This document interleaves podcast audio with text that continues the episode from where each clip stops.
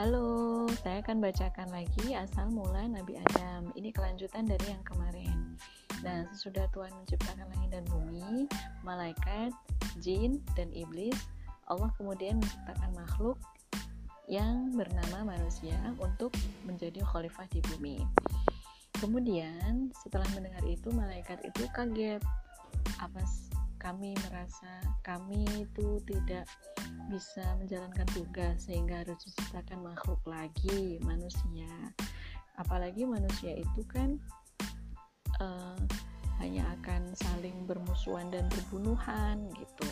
Kemudian Tuhan menjawab sesungguhnya aku mengetahui apa yang tidak kamu ketahui. Kemudian malaikat bungkam karena mendengar penjelasan Tuhan itu. Kemudian minta maaf maafkan kami wahai Tuhan. Kami tidak mengetahui hanya kamu yang hanya kau yang paling tahu atas segala sesuatu. Kemudian setelah diciptakan manusia dari tanah liat dan lumpur hitam, kemudian dimasukkan roh ke dalamnya, Adam pun hidup, kemudian berdiri tegak. Allah kemudian merintahkan para malaikat untuk bersujud, menghormat kepada Adam. Para malaikat pun bersujud sebagai pernyataan hormat dan ucapan selamat. Hanya iblis yang tak mau bersujud, ia membangkang perintah Allah. Allah bertanya, apakah yang membuat engkau tidak mau bersujud kepada Adam? Saya lebih baik daripada Adam, jawab iblis. Karena saya tercipta dari api, dan Adam hanya segumpal tanah, kata iblis menyombongkan diri. Kemudian, Allah sangat murka mendengar jawaban iblis.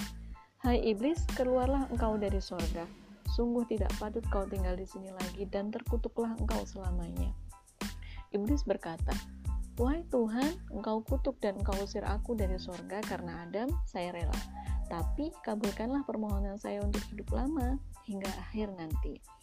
Permohonan iblis pun dikabulkan. Ia dibiarkan hidup sampai hari kiamat tiba.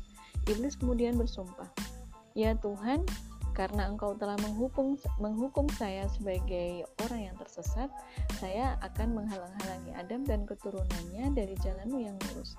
Saya akan menghada, menghadatangi mereka dari muka, belakang, kanan, dan kiri. Itulah sumpah iblis.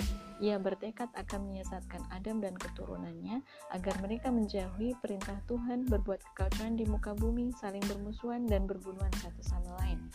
Allah berfirman, untuk melawan segala tipu daya dan akal busukmu, aku beri manusia senjata yang ampuh. Dengan akal itu, aku bimbing mereka dengan petunjuk-petunjuk.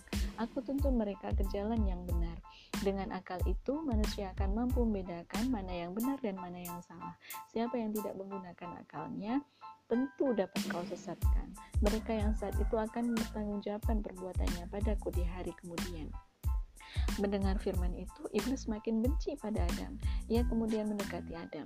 Diperiksanya seluruh tubuh Adam, ia mencari titik kelemahan Adam. Akhirnya dapat ditemukannya itu nafsu. Nafsu cenderung melakukan perbuatan yang buruk. Bila manusia cenderung menurutkan hawa nafsunya, maka sangat mudah bagi iblis menjerumuskannya. Allah kemudian mengajarkan kepada Adam nama-nama benda yang dilihatnya. Dengan demikian, Adam mengetahui nama-nama benda yang ada di muka bumi.